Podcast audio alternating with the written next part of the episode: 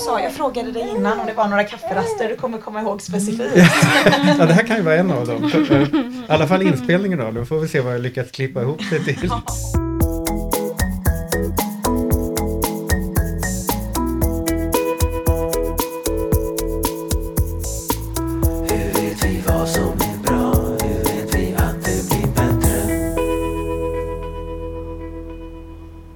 Kafferast i Kunskapsfabriken. Välkommen till Kafferast i Kunskapsfabriken. Susanne Tell. Tackar. Filippa Gagner Jenneteg. Och så har vi Evelyn, vad heter hon i efternamn då? Det blir Gagner Jenneteg på henne med. Det blir det. Mm. Hon har ingen egen mikrofon men det kan tänkas att hon eh, låter i samtalet. För hon är, hur gammal är hon nu? Två månader? Tre? Ja, två månader. Mm.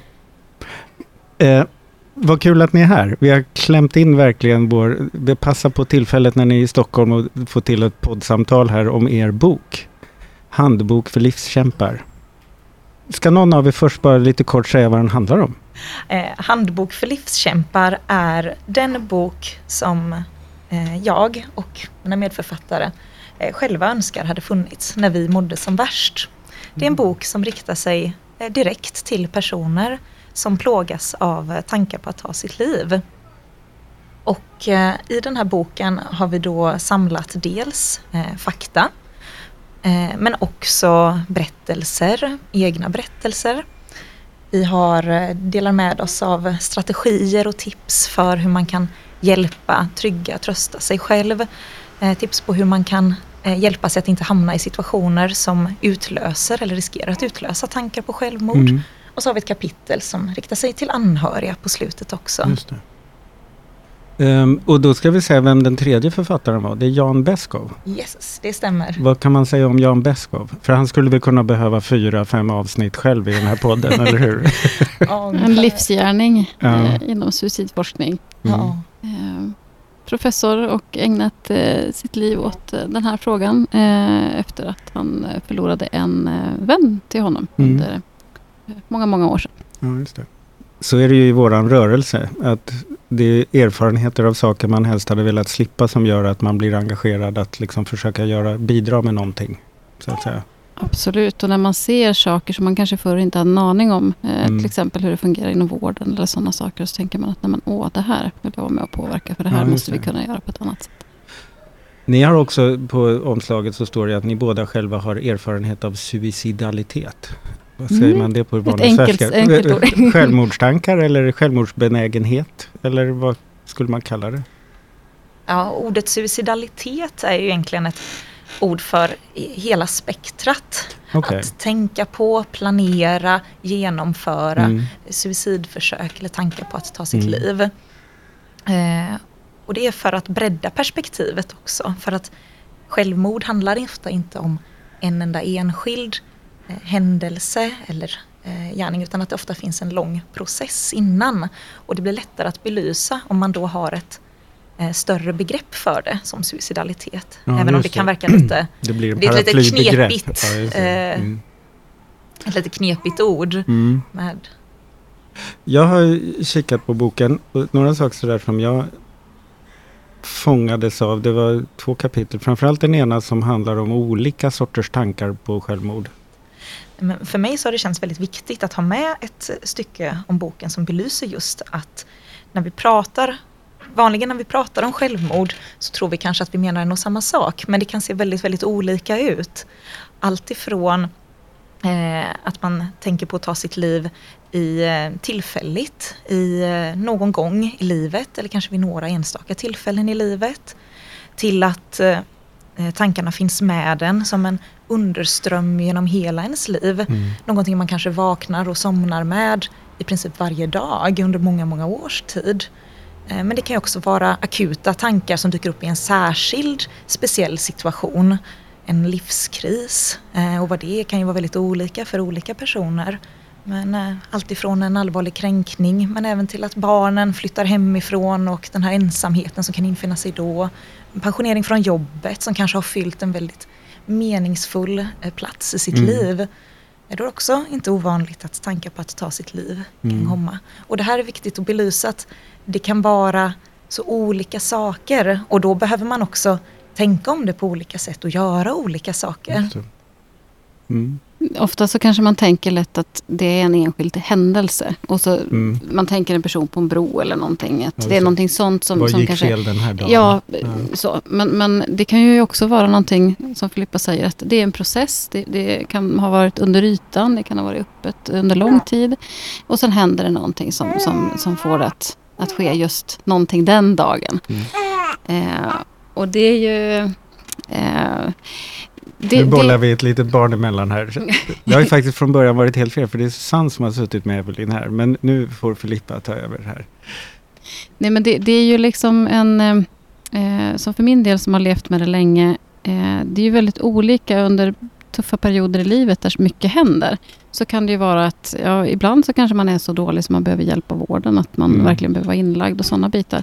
Men det kan ju också vara perioder där man, ja, men det är mycket på jobbet. Det kanske är stressigt, det är inför jul, det är massa saker att fixa hemma och man sover dåligt för att man har småbarn eller mm. någonting annat. Och sen börjar de här tankarna poppa på. Och först tänker man att, vad kommer det här ifrån? Vad är det här för någonting? Vad innebär det? Men sen när man börjar titta, ja, men nu är det mycket belastning, nu är det mycket kanske osäkerhet och sådana här saker, mycket jag vill hinna med och sådär. Och då kan det här komma och då vill vi peka mycket på i boken att de här konkreta bitarna att ja, men man kan göra saker som att ja, man minskar belastningen, kanske försöka mm. sova mer, prioritera de här sakerna som ger mig energi eh, och vila. Eh, att sånt kan göra skillnad och det känns så basalt. Så mm. man tänker kanske, vad har det här med självmord att göra? Om mm. jag ska sova eller inte? Men det är verkligen nästan så vaccinationsgrej. Ja, just det. Men då är det som att man har någon, som du nämnde tidigare, någon slags underliggande ström som när jag börjar bli bräcklig.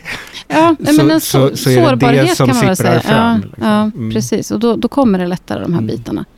Och vi vill väl trycka på att om man liksom har fått verktyg att kunna hantera det så blir livet, livsresan blir så mycket mindre guppig. Liksom. Ja, eh, och säkrare mm. framförallt. Och även att det blir mindre skrämmande. För är det någonting det. som jag, jag har levt med det sedan tidiga tonår, men det skrämmer mig inte på samma sätt längre. Som det gjorde mm. kanske för tio år sedan. Då var jag livrädd för de här bitarna. Men jag har respekt för det idag, men jag är inte livrädd för dem. Och det är kunskap som jag skulle säga är skillnaden. Är det då liksom också den praktiska levda kunskapen att känna att ja just det, nu är det sådär igen. Ja, och att man känner igen. Det kommer mm. att gå över. Ja, men också att veta vad man kan göra mm. när det här kommer. Att, att faktiskt veta att jag kan testa det här och jag kanske, det här funkade kanske förra gången. Jag kanske kan testa det och jag kan prata med den här eller vända mig dit. Och det kan göra att det lättar lite grann. Mm. Det kan fortfarande vara djävulusiskt tufft men att det finns ändå vissa saker jag kan påverka. Mm. Det tror jag är, jag är väldigt... inte maktlös. Nej, jag är inte maktlös och att jag förstår lite av vad som händer och varför mm. det händer. Det och det där att förstå vad det är som händer och hur det kan faktiskt hjälpa en att trygga en.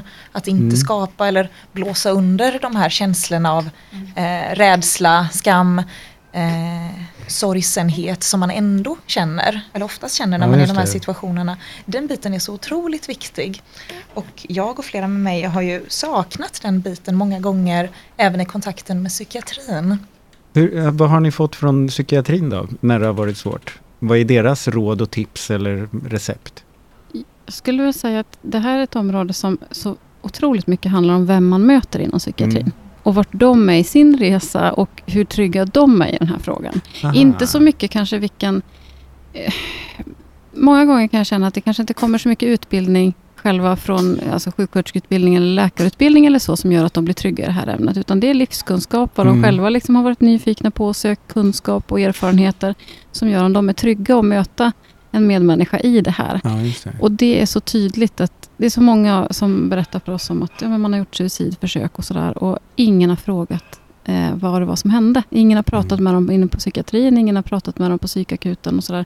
Om vad var det egentligen som hände, hur mår du? Och de här bitarna, utan det är bara tyst. Hur skulle du kunna göra annorlunda om det hände igen? Ja. Mm. Och att förstå det, för kunskap blir ju också en, en trygghet eh, mm. i, i, sig själv. Att, eh, när man inte förstår vad det är som händer och varför man tänker på vissa sätt. En vanlig tanke är ju hur kan jag som har det så bra må så här dåligt? Så får man lite skam på köpet Och så får man också. lite skam på köpet uppe på den, ja, eh, den skammen som man kanske redan har. Ja. Eh, och särskilt om man då också har oturen att möta eh, viss personal inom psykiatrin som inte är så trygga att prata om de här ämnena.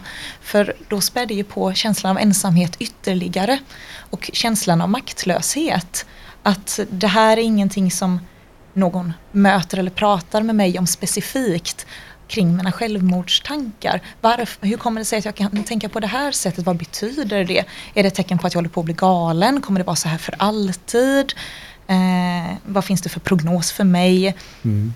Att få eh, specif specifik och direkt kunskap om självmordstankarna eh, kan vara ja, avgörande mm, för att kunna återknyta personen in i en gemenskap och eh, ja, eh, avdramatisera det hela. Och att mm. förstå där att, att det liksom är, det är inte farligt med självmordstankar Nej. i sig. Utan det är handlingen som är farlig och att snarare att det är en, en tjänst från oss själva till oss själva i en signal från kroppen att du, nu har du det lite tufft här. Eh, ja, ta det lite lugnt, backa tillbaka. Och det yttrar det? sig så här i ja. den här formen av tankar. Precis, eh, och att jag börjar tänka mm. på de här grejerna. Och vad kan jag då göra för att liksom, ja, backa tillbaka lite? Mm. Eh, minska den här belastningen. Finns det någonting som brukar kunna fungera i det? Men det är också rätt vanligt med självmordstankar. Eller? Jo men det är det. Och eh, där är vi ju tillbaka igen att eh, självmordstankar kan ju vara allt ifrån den som har tänkt på det vid något enstaka tillfälle till mm. de som eh, har det som en mer eller mindre ständig följeslagare under hela livet. Men självmordstankar är ju en vanlig signal från oss själva till oss själva om att just nu så mår vi fruktansvärt dåligt och ser ingen annan lösning på den här situationen man befinner sig i nu. Och sådana situationer kan ju uppstå i de allra flesta människors liv och gör det. Mm. Så de allra flesta har ju snuddat vid tanken någon gång och att bara kunna landa i det också. Där finns det också något väldigt hoppfullt i eh, gemenskapen ja, i att jag är inte ensam mm. om att sitta i den här skiten och det finns andra som eh, också har gjort det och kunnat ta sig vidare. Om vi bara börjar prata om det. Ja, så, så, vi förstår hur många ja. andra som har suttit i skiten. Ja, Kanske bara tank, mm. snuddat vid tanken men, mm. men ändå liksom suttit i... Men också att vi kan börja prata om det, inte bara så här, nu har jag haft en självmordstanke och då blir allting svart eller vitt utan det mm. finns massa olika sorters självmordstankar och olika sorters gissar jag, temperatur på dem på något sätt? Eller liksom... Ja, de kan ju vara mer eller mindre akuta. Mm. Eh, Alltifrån de självmordstankar som kanske är eh, mer en första varningsklocka från mig själv till mig själv. Mm. Att nu behöver jag eh, ta det lite extra lugnt, ta hand om mig själv, eh, använda några av alla de tips, strategier och tips för att mm. eh, kunna ta hand om sina behov bättre. Mm. Till de självmordstankarna som faktiskt är direkt akuta då man inte ser någon annan lösning eller utväg och eh, är i stånd att faktiskt göra, eh, göra ett suicidförsök. Mm. Kafferast i Kunskapsfabriken. Eh, vi har ett stycke i boken som handlar om existentiella frågor. Mm.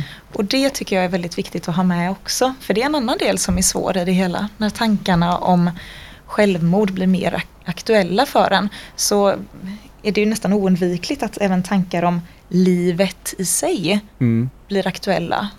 Finns det någon mening med livet? Är det någon mening med ifall jag lever eller dör? Eh, vad är meningen med allt? Och det är ju en annan typ av frågor mm. som också kan vara väldigt svåra att hitta en eh, trygg plattform och person att bolla med. Mm. Men där tänker jag också att i, beroende på grad av självmordstanke eller allvar i dem eller hur starka de är. Så kan, jag kan gissa att i vissa fall så kan det vara rätt smart att liksom börja tänka lite kreativt kring ja, men hur, vad är egentligen meningen, vad är det jag uppskattar, alltså att liksom plocka fram de där värdena. Mm. Men i, i, ett skede när, det, när jag ändå ser allting väldigt svart och inte någon lösning på något, då upp, kan jag nästan tänka att det blir provocerande att försöka ta till det knepet. Eller? ifall man redan är eh, kanske kognitivt sänkt, mm. ifall hjärnan ändå är översköljd av depression, ångest och tankar på att ta sitt liv och man då också börjar fundera över meningen med livet. Så är det ganska stor, ja, ja mm. då är det ganska stor sannolikhet i att man ändå kommer landa i att nej det finns ingen mening, det är ingen mm. mening med om jag lever eller dör. För tankarna färgas ju också av eh, vår dagsform, ja, av hur vi mår i övrigt. Så den dagen kanske det är bäst att inte tänka Vad gör man då, på Vad gör man den dagen? Då man, söker man hjälp. Man vinner, man ska, alltså väldigt mycket i det här kommer tillbaka till att försöka vinna tid. Ja, just det. Mycket när det gäller suicidprevention handlar om Mm. tids, att vinna Mm. tid. Eh, och att ge sig själv tid. Och att hitta sätt att ge sig själv tid när det är helt överjävligt. Ja. Och att hitta strategier för att hitta det. Mm, Vi har ju försökt verkligen så här, kill your darlings i boken. Men det finns Mm. en riktig sån där darling som är citerad för Som min del. Som vi inte har tagit bort. Och det är this too shall pass. Ah, ja. Och det är en Mm. sån där Lite så här påminnelse. buddhistisk tanke. Ja, men lite acceptans i att nu är det verkligen överjävligt. Eh, det här är inte de värsta situationerna, men det kan Mm. vara riktigt jävliga situationer. Men att påminna sig om det är att även det här som är så här fruktansvärt smärtsamt kommer att ha ett slut. För det finns ingenting som hela tiden är konstant. nej, just det. Och att det finns någon form av trygghet och tröst i att även den här typen av smärta kommer att passera. Jag kan inte veta om den kommer igen, Mm. men den, den kommer att, det kommer att finnas ett slut på den. Mm. Jag kommer att kunna hämta andan. Ja, precis. Eh, det har hjälpt mig oändligt många gånger. Eh, Mm. Och många med mig. Men det är någon slags våga avvakta. På Ja. något sätt. Ja. Vinna tid. Och är det liksom de här, ofta kanske på kvällen, eller så att man Mm. börjar på de här tankarna och känner att det här går inte. Jag kan, det här Mm. dagen är ju fruktansvärd. Att, att, finns det något sätt att vinna tid så att du kan sova på saken? Mm. Eh, äta lite, sova på saken och se, är det lika jävligt imorgon? Vi klipper här.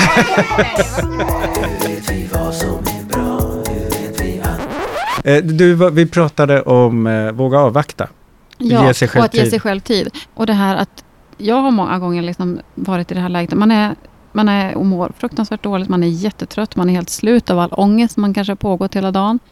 Eh, man kanske inte har ätit. Man är stressad. Alla de här bitarna. Att försöka få i sig någonting. Hålla sig varm och försöka få lite sömn. Och sen haft den tanken att okej, är det lika jävligt imorgon? Mm. Då gör vi en omförhandling om det här. Ja, just det. Mm. Men jag ger mig till imorgon bitti i alla fall. Och så Mm. väntar jag och ser vad som händer. Och väldigt många gånger när man- den där morgonen kommer så är läget annorlunda. Mm. Eh, Och då har det Även om, lättat. ja, just det. Även om inte allt plötsligt har blivit jättebra Nej, så nej. är det någonting annat. Ja, det är någonting Mm. annat. Mm. Och det är liksom mer hanterbart. Just det. Eh, och det, det är förhållandevis många gånger som det har varit på just Mm. det sättet. Och det är den här tids... Att ge sig själv den där tiden. Just det. En ganska vanlig myt kring eh, självmord och självmordstankar det är ju att om man väl har bestämt sig så finns det inget att göra. Då finns det bara en väg framåt, Ja, så att säga. Mm. Eh, och det stämmer ju inte. Utan eh, tankar på att ta sitt liv, det är ju tankar som kommer och går. Och det är ju där som det här tidsperspektivet då blir så viktigt. Att när tankarna blir mer akuta för mig, hur kan jag då hitta sätt att stå ut i det? Mm. Och det Tills det lugnar sig. tills det Ja. lugnar Mm. sig. Och eh, jag också kan finna eh, kraft och energi att prata med någon. För jag behöver, Mm. ju, eh, jag behöver ju någon att dela det här med. Man ska inte behöva bära det själv. Det är så otroligt viktigt. Och därför pratar vi också Mm. om eh, olika saker som man kan behöva göra beroende på hur, eh, hur akuta tankarna är. Exempelvis med, eh, med kroppen. Mm. Att för vissa så kan det ju eh, vara väldigt underlättande att eh, bara komma ut och röra sig, byta miljö, eh, komma ut och känna vinden mot ansiktet, eh, titta på fåglarna för att distrahera sig lite lätt. Men i andra tillfällen när tankarna blir mer akuta, då kanske man behöver direkt, det här kan låta väldigt banalt men det kan faktiskt funka, bara kasta sig på golvet och göra så många armhävningar eller sit-ups som man bara orkar tills man stupar för att distrahera sig ännu mera för att tankarna är så kraftfulla. Eller ha den här lådan med porslin som man, Som man får slå sönder. som man får slå sönder. Ja, men det, det är verkligen... Man kan behöva öva sina må bra-strategier helt enkelt. Mm. Så att de sitter där. Just det, så att de man är I ett bekväm att krisläge, använda dem. ja. Ja, just det. Ja, man ska inte behöva leta i verktygslådan när det behövs något. Mm. Man, ja. Men bara att ha förberett sig för det. Mm. Att fundera över Jag sitter jag och blir lite hes märker jag. Ja, Får ta en ja, klunk du får dricka kaffe i, i, i den lite där kaffe. Mm. Du kan lägga på den där Mm. sköna jingeln som är med sörpel. Och,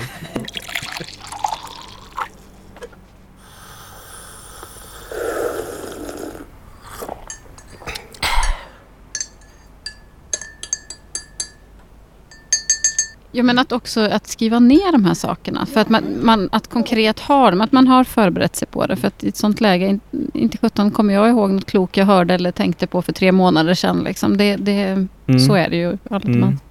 Just det. Men då tänker jag också det här med den generella kunskapen kring det. Och det här att man, man då också kan hitta ett, alltså ett nätverk av människor som man pratar med det här om. Och där man säger min verktygslåda ser ut så här. Mm. Alltså att den inte bara är min hemliga verktygslåda utan att det också det måste ju nästan vara enklare om jag har delat den med någon. Om du visste hur mycket man har, vi har funderat kring den här saken och även Eh, vi jobbar ju på suicidprevention i väst, mm. jag jobbar på suicidprevention mm. i väst och eh, Filippa är styrelseledamot och har jobbat och Jan har varit med och grundat och jobbat mm. länge. Och det här är någonting som vi har utforskat på jobbet för att vi tyckte det var så märkligt att hur kommer det sig att de här mötesplatserna är så sällsynta eller finns mm. de ens? Där man delar idéer? Där man delar, om, ja mm. precis och just kring suicidtankar. Mm. För det verkar finnas någon föreställning om att det är totalt skvatt livsfarligt. Vi kan inte låta folk sitta ner och prata om de här sakerna mm. tillsammans. Lite den bilden har jag fått. Så vi har gjort ett litet förarbete kring det. Just för att starta typ självhjälpsgrupper. Eh, att mm. sitta ner och, och kunna dela de här sakerna i en trygg miljö och kunna diskutera Eh, när man är på en stabil plats, som man säger. Ja, men fortfarande är berörd av de här mm. sakerna. Och kunna få ta del av andras verktygslådor och tips. Och, ja, men så här gjorde jag, har du testat det här? Ja, men det där funkar inte för mig. Ja, men, men också kan jag tänka mig att få garva åt att det ibland är väldigt konstiga, ja. knasiga, men funktionella lösningar. Ja, men så mycket mm. gallhumor som finns på mm. psyket. Och bland, ja. ja, men det man måste ha det för. Ja, ja. Mm. Det, det är sånt som är på gång. Mm. Det finns tankar kring det. Då, ja. Det kan vi få återkomma om då. Hemskt gärna.